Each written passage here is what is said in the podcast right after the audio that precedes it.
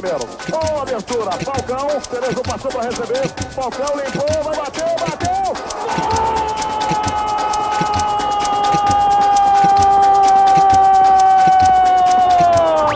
Brasil! Radio Brazylia, Radio Po 36 latach reprezentacja Urugwaju do lat 20 znowu wygrywa Mistrzostwa Ameryki. W tej kategorii wiekowej to wielki sukces przecież, bo to zaledwie 3,5 milionowy kraj, Świetna także Argentyna, o dziwo, beznadziejna Brazylia, zaskoczenie słabą grą Kolumbii, no i przede wszystkim kolejna klapa Chile. O tym właśnie ten podcast.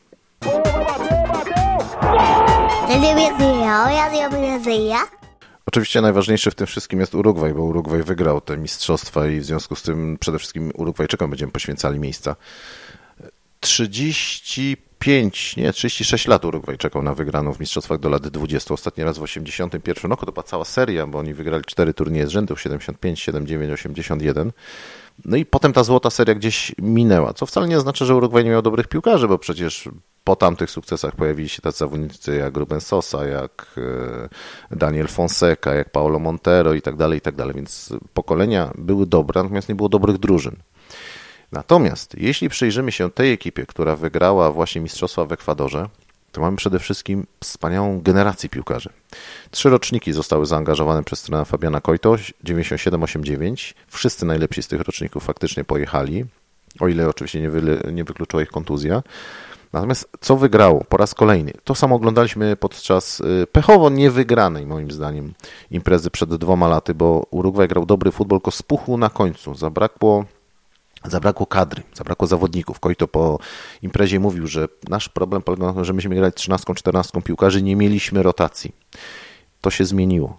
Grali rotacyjnie, grał prawie cały zespół poza rezerwowymi bramkarzami i widać było, że Kojto kapitalnie wyciągnął wnioski. To była dziesięta rocznica jego pracy z młodzieżowymi reprezentacjami Urugwaju, więc to też jest ważne, bo myślę, że coraz częściej dochodzi taka świadomość, że za Oscara Washingtona Tabareza ktoś po tym mundialu w Rosji w 2018 będzie musiał przejąć stery, więc Fabian Kojto który wychował tylu piłkarzy o reprezentacyjnym potencjale, myślę, że aż prosi się, żeby był jego następcą.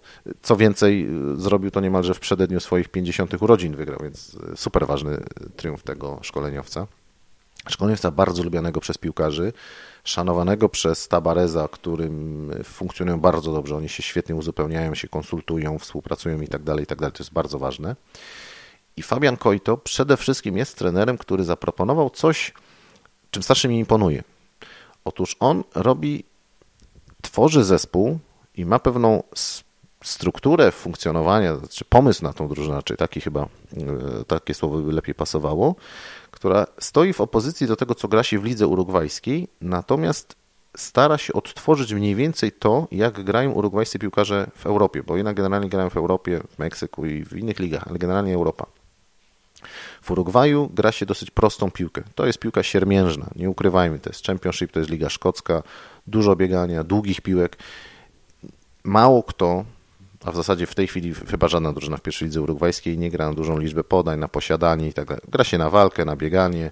Istotny jest środkowy napastnik, boczni obrońcy, defensywni pomocnicy, gra dziesiątka tak zwana, praktycznie rzecz biorąc nie występuje. Stąd tacy piłkarze jak Jordan de Arascaeta, Och, tu jakiś straszny dźwięk, więc muszę przerwać. Czy Gaston Pereira, którzy ciągle nie mogą go zagrać w tej reprezentacji Urugwaju.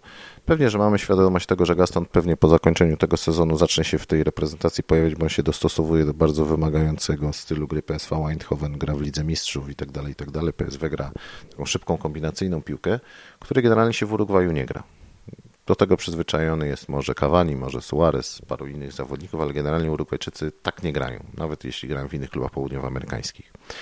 I teraz mamy całe pokolenie piłkarzy, którzy serwują nam coś nieco innego. Znaczy mają, pracują pod trenerami, którzy wymagają od nich e, innego nieco podejścia i już są szykowani na rynek europejski. Takim zawodnikiem e, na pewno jest Kiapakase, który no już w tej chwili jest e, zawodnikiem Ligi Hiszpańskiej. To jest taki chłopak, którego, jak wiecie, już Wam wielokrotnie polecałem. 99 rocznik. Już szykowanym jest na europejski rynek Joaquin Ardaiz z Danubio. Najprawdopodobniej latem dojdzie do transferu. Betancourt z Boca Juniors, on w tym turnieju zagrał 8 meczów i w pierwszej części turnieju był najlepszym pomocnikiem drużyny urugwajskiej. Będzie grał najprawdopodobniej w Juventusie od nowego sezonu, od czerwca. No, ale takim zawodnikiem, który był ośrodkową postacią jest Rodrigo Amaral. 97 rocznik, grał już dwa lata temu podczas Sudamericano. Tam był jedną z objawień. Taki mały, krępy, silny, troszkę, troszkę Smolarka przypomina, troszkę Podolskiego. Coś w ten deseń. Miał kryzys po świetnym Sudamericano. W 96 roku praktycznie rzecz biorąc, w 2016 roku praktycznie rzecz biorąc wyparował, mało grał, co wynikało z faktu, że mocno przytył i były kłopoty wychowawcze z tym zawodnikiem, nawet został przesunięty z powrotem do drużyn e, juniorskich. Nie grał w pierwszym składzie, a później dopiero w końcówce sezonu zaczął się dosyć regularnie pojawiać. W każdym razie nie jest jakąś tam postacią środkową w Nacionalu, mimo że cieszył się opinią największego talentu tego klubu. No ale jakoś udało się go postawić na nogi, przygotować, no i podczas tego turnieju myślę, że był najlepszym piłkarzem Urugwaju, być może najlepszym zawodnikiem całego tego turnieju. Amaral Kiapakasy i ten trzeci napastnik, który na pewno się podobał, bo przede wszystkim napastnicy zrobili duże wrażenie, to był Joaquin Ardais, który w ostatnim meczu turnieju strzelił dwa gole. Jak pooglądacie sobie, jak te gole zostały strzelone, to strzelił je w stylu Edinsona Cavaniego. I teraz ważna informacja, bo jakiś czas temu był taki wpis na blogu, w którym e, mówiłem o tym, że on jest porównywany do Cavaniego z dwóch powodów. Po pierwsze ma identyczne, jest identycznego wzrostu, 1,86 m czy 5 po drugie, pochodzi z tego samego miasta, nawet z tej samej dzielnicy. W tym samym miejscu zaczynał kopać, zna się z rodziną Kawaniego, gra na tej samej pozycji z dziewiątką. I teraz co najlepsze, ma bardzo podobną sylwetkę do e, Ediego. Może troszkę bardziej zbity jest niż Kawani. Natomiast y, jak popatrzycie, jak te gole strzeli, to są gole strzelone w stylu Kawaniego, więc to w ogóle jest jakaś niesamowita historia, tak jakby Urugwaj klona sobie wyhodował że to naprawdę było ciekawe spostrzeżenie. Yy, natomiast takim futbolistą, który mi się najbardziej podobał, zresztą przed yy, turniejem, kiedy zapowiadałem wam ten turniej, yy, strasznie na niego stawiam, to jest Nicolas de la Cruz z Liverpoolu. On, Amaral, to były takie dwie najważniejsze moim zdaniem postaci. Grali zresztą najwięcej minut z Amaralem spośród wszystkich zawodników. To jest ciemnoskóry piłkarz grający z dziesiątką, 1,68 m wzrostu. Mały Liverpool postawił na niego już dwa lata temu, więc on jako 18-latek był już starterem i w związku z tym ma największe doświadczenie zawodowe spośród wszystkich zawodników, mimo nieskończonych 20 lat. E, gra o tyle ciekawie, że bardzo przypomina Araskaetę, z tym, że z takim zacięciem do gry widowiskowej, spektakularnej, lubi górą zagrać e, piłkę, coś tam dziubnąć, coś wykombinować, strzela efektownie ze stałych fragmentów gry. Także taka dziesiątka w starym stylu, których już, tak jak mówiłem, tych dziesiątek w Urugwaju przez ostatnie lata nie było, a to nam obrodziło. To mamy Arascaetę 94, a to Pereiro 95, no i teraz ten młody zawodnik de la Cruz roczny 97. Także koniec końców e, jest i trwałość, bo to jest trener, który 10 lat prowadzi reprezentację, więc e, no, już dzisiaj w Ameryce Południowej bardzo rzadki przypadek. Jest pomysł, bo tak jak mówiłem, inaczej funkcjonuje drużyna, czy w innej stylistyce gra niż kluby Ligi Urugwajskiej. A po trzecie, no jest wreszcie też pokolenie, bo i ta drużyna, która dwa lata temu bardzo dobrze grała, miała mnóstwo ciekawych indywidualności, którzy, które już grają w Europie. Przy bramkarz Gurseaga świetny, bardzo ciekawy. Myślę, że następca Muslery, e, Arambari, Nandes, Lemos i tak dalej, i tak dalej.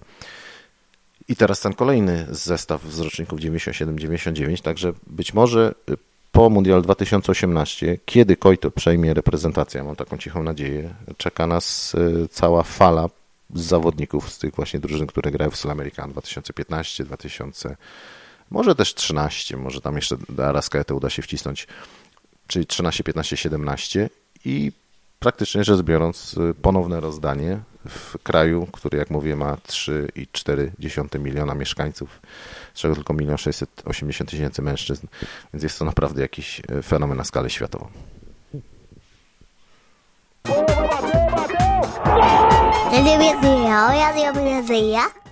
No to tak, było świetnym Urugwaju, to teraz muszę powiedzieć o tym, kto był nieświetny. Nieświetna była Kolumbia i Brazylia.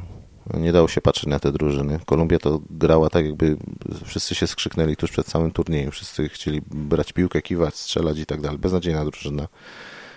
Nie weszli nawet do czwórki, która dostała kwalifikację do Mistrzostw Świata. To jest sensacja. Sensacja o tyle duża, że od lat jest ten sam trener, który mm, praktycznie rzecz biorąc zawalił Igrzyska Olimpijskie.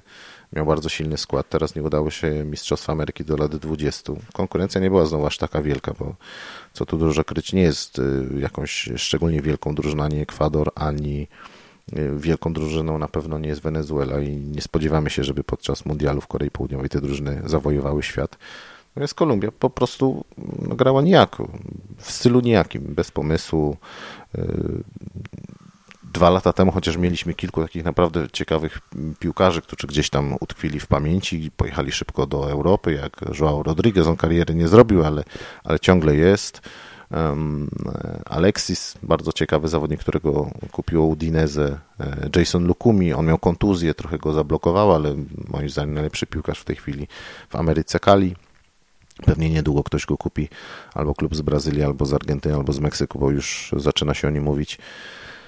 I generalnie jest tak, że no, nie odpalili ci zawodnicy, na których najbardziej liczono, czyli te takie indywidualności, o których mówiło się, że a to Porto, a to Benfica, a to ktoś z Francji się na nich czai. No, nikt z tych zawodników niczym szczególnym się nie wyróżni i to praktycznie rzecz biorąc bezbarwna nijaka Kolumbia przepadła.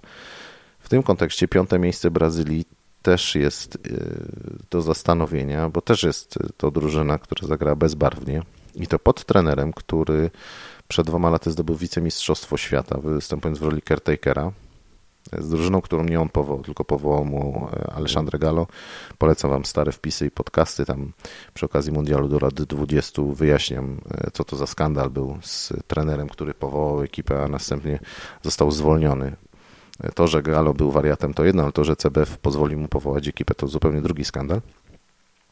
Potem Mikale wygrał Mistrzostwo Olimpijskie w Rio de Janeiro, no więc co tu dużo kryć, no, Brazylia siłą rzeczy występowała w roli faworyta do zwycięstwa w turnieju kontynentalnym, natomiast tego się nie dało oglądać. To była nudna, jak flaki z olejem piłka, bez jakiegokolwiek błysku i polotu i fantazji. I w zasadzie przyznam się szczerze, że nie wiem, co o tej drużynie powiedzieć, bo Oczywiście żadnym usprawiedliwieniem nie jest to, że nie grali trzej najlepsi piłkarze z rocznika 97, czyli Malcolm, Gerson i Gabriel Jesus, bo i tak by nie grali. Są zawodnikami grającymi w dobrych europejskich klubach, którzy grają regularnie, więc kluby ich y, nie zwolnią. To jest oczywista oczywistość. Jesus to już jest w ogóle piłkarz pierwszej reprezentacji, więc nie ma o czym mówić. Y, no i tyle. No, nie, nie jest tak, że jakaś plaga kontuzji y, spowodowała, że Mikale wybrał jakiś alternatywny skład, tak jak to miało miejsce dwa lata temu, gdzie miał wpływu nawet na dobór piłkarzy. Y, być może gdzieś tam zabrakło pomysłu, ale przede wszystkim zabrakło wykonawstwa. No ta, ta, ta drużyna grała beznadziejną, nudną, jak flaki z olejem piłkę. Grali wolno, statycznie. Tam się nic nie działo. Muszę się przyznać, że dwa razy przy okazji meczów brazylijskich zdarzyło mi się zdrzemnąć, co raczej nie zdarza mi się jako zaprawionemu w nocnym oglądaniu. Gdzieś tam tu mi 20 minut uleciało, tutaj 25 minut przed końcem meczu. W ogóle się zdrzemnąłem, skończyło się na 0-0, więc i to bez żalu. To nie było tak, że musiałem rano wstać i szybko obejrzeć mecze. To raczej z takim poczuciem, a dobra, to na następnym meczu zobaczymy, może coś będzie lepiej. I taki jest też to komentarze po tym turnieju. Także sytuacja jest o tyle ciekawa, że mimo, że roczniki 97-98 są całkiem nieźle obsadzone z młodymi zawodnikami, nie wiem, czy problem był w selekcji, czy w braku jakiejś chemii. W każdym razie było to żenujące. Nie do oglądania. Nudny futbol, Całe szczęście, że Brazylia nie będzie reprezentowała Ameryki Południowej. Na tym tle Ekwador i Wenezuela, no powiedzmy sobie otwarcie, nie zagrały jakiegoś cudownego futbolu. Ekwador mi się w ogóle nie podobał. Tam w zasadzie najjaśniejszą postacią był bramkarz Ceballos, o którym chcę wam powiedzieć. To jest syn byłego bramkarza reprezentacji Ekwadoru, późniejszego ministra sportu, e, który ma trzech synów grających w piłkę. Wszyscy mają po ojcu na imię Jose, to jest ważne bardzo trudno się szuka tego właściwego. Jak wpisać Jose Cevalos, to zawsze ktoś wyskoczy, tylko to są wszyscy członkowie tej samej rodziny, jest ich czterech. Trudno tego właściwego Jose Cevalosa trafić, musicie znać jeszcze drugie imię, żeby dobrze wyselekcjonować postać. I kiedyś Legia Warszawa, jednego z tych trzech synów, e, polowała na niego. Były już rozmowy prowadzone, znaczy rozmowy, no, żadnych konkretów, natomiast wiemy o tym, że e, sądowano tego zawodnika. Natomiast nie sądowano jego młodszego brata, który już wtedy grał w reprezentacji do lat 17 bramkarza. W świetle tego, co zagrał na turnieju do lat 20, ma lat 19, to myślę, że może Legia powinna się tym innym bratem zainteresować. To byłaby ciekawa jakaś alternatywa. Może jakiś nowy malarz by się trafił albo jakiś inny kuciak, także y, może jeszcze warto wrócić do Ekwadoru. A jeśli chodzi o Wenezuelę, no to myślę, że tylko ze słabości Kolumbii i Brazylii wynika fakt, że ta drużyna wbiła się do czwórki, która zagra na mundialu. To jest taki dosyć chaotyczny, radosny futbol. Kluby wenezuelskie zresztą tak grają. To znaczy, wszystko jest grane na żyle. Mm, dużo biegania, dużo walki, no ale tak przy coraz bardziej postępującym chaosie i braku organizacji w większości drużyn argentyńskich i brazylijskich, też grają taką podwórkową piłkę, no to ten, kto gra agresywniej, więcej biega i szybciej i nie boi się rywala uznanego z Brazylii i Argentyny, po prostu zdobywa punkty. No i na takiej zasadzie Wenezuela się przebija, nie dlatego, że e, ma jakąś super świetną pakę i, za, nie wiem, 5 lat podczas mundialu w Katarze Wenezuela będzie się bić z Niemcami i z Hiszpanią Mistrzostwo Świata. Także raczej ze słabości faworytów, a nie z wielkiej mocy Wenezueli. Uważam, że nastąpił ten awans. No i 7 punktów Argentyny, oni też zakwalifikowali się z czwartego miejsca, tyle samo punktów co Ekwador i Wenezuela. Drużyna, jak wiecie, pospiesznie sklecona. 5 tygodni trener miał na przygotowanie ekipy, bo, bo to jest trener, który raptem w grudniu został ogłoszony, więc czy przejął obowiązki trenerskie, zważywszy na fakt, że są święta, nowy rok, trzech króli, dużo wolnego, no to e, czasu za wiele na przygotowanie ekipy nie miał. E, ale Argentyna zagrała całkiem przyjemnie, ofensywnie. Przede wszystkim e, bardzo mądrze trener wykoncypował, że no tak, skoro to jest turniej do lat 20 i większość zawodników, którzy przyjadą, nie ma doświadczenia zawodowego, to jak ja wezmę takich, którzy grają w tych wszystkich estudiantach, Newellsach, Welezach i mają doświadczenie zawodowe, to moi zawodnicy, nawet jeśli się nie znają, nie są zgrani, to kumają bazę i razem coś stworzą. No, jeśli będziemy mieli jakąś tam klarowną e, e, pomysł na nagrania, przecież nie rywalizujemy z Barceloną czy z Bayernem, które są w stanie nas zdławić i zdominować, to coś z tego wyjdzie. I tak naprawdę bardzo prosty pomysł trenera Ubedy się sprawdził, e, a zważywszy na fakt, że ma teraz kilka miesięcy, żeby przygotować drużynę do mundialu do lat 20, to może się okazać, że z takiej niedocenianej Argentyny może jeszcze się urodzi jakieś Mistrzostwo Świata. Roczniki jeżdżą generalnie 2, 9, 7, 9, 8. Raczej Argentyńczycy trzymają się tego, żeby tam nie przesadzać z tymi młodymi zawodnikami.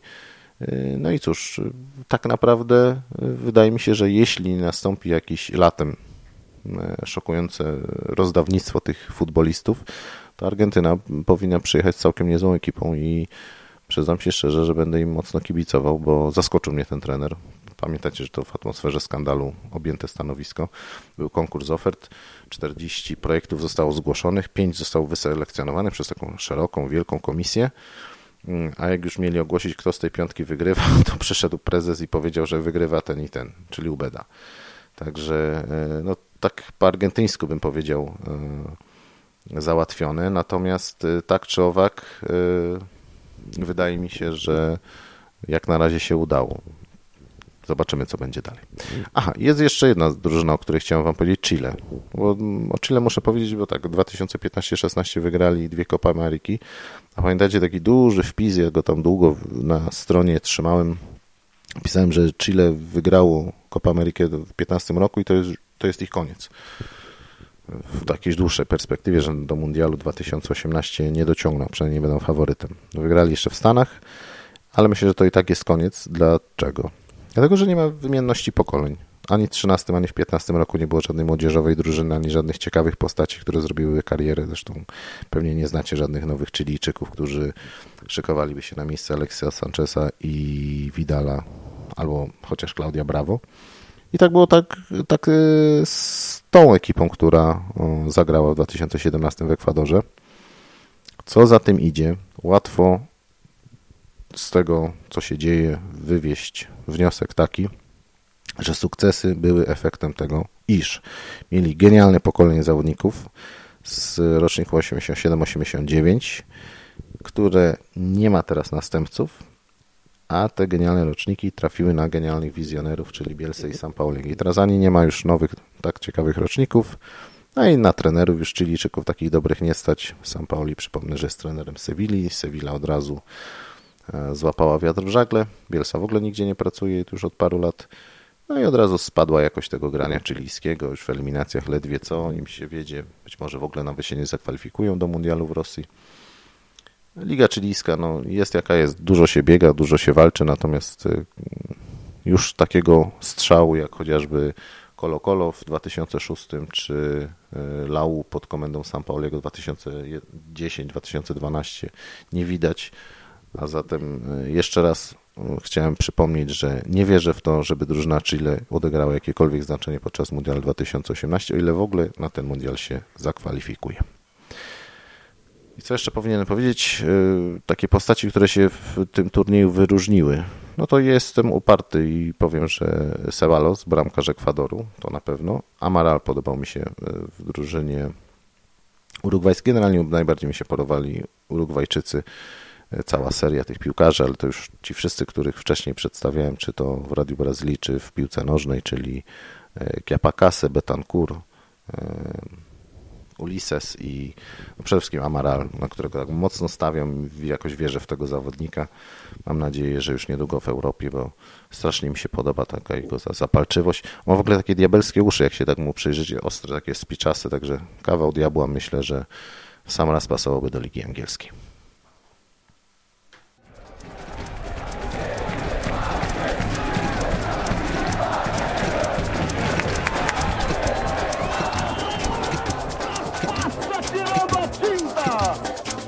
Primeiro. Boa abertura. Falcão. Cerezo passou para receber. Falcão limpou. Vai bater. Bateu.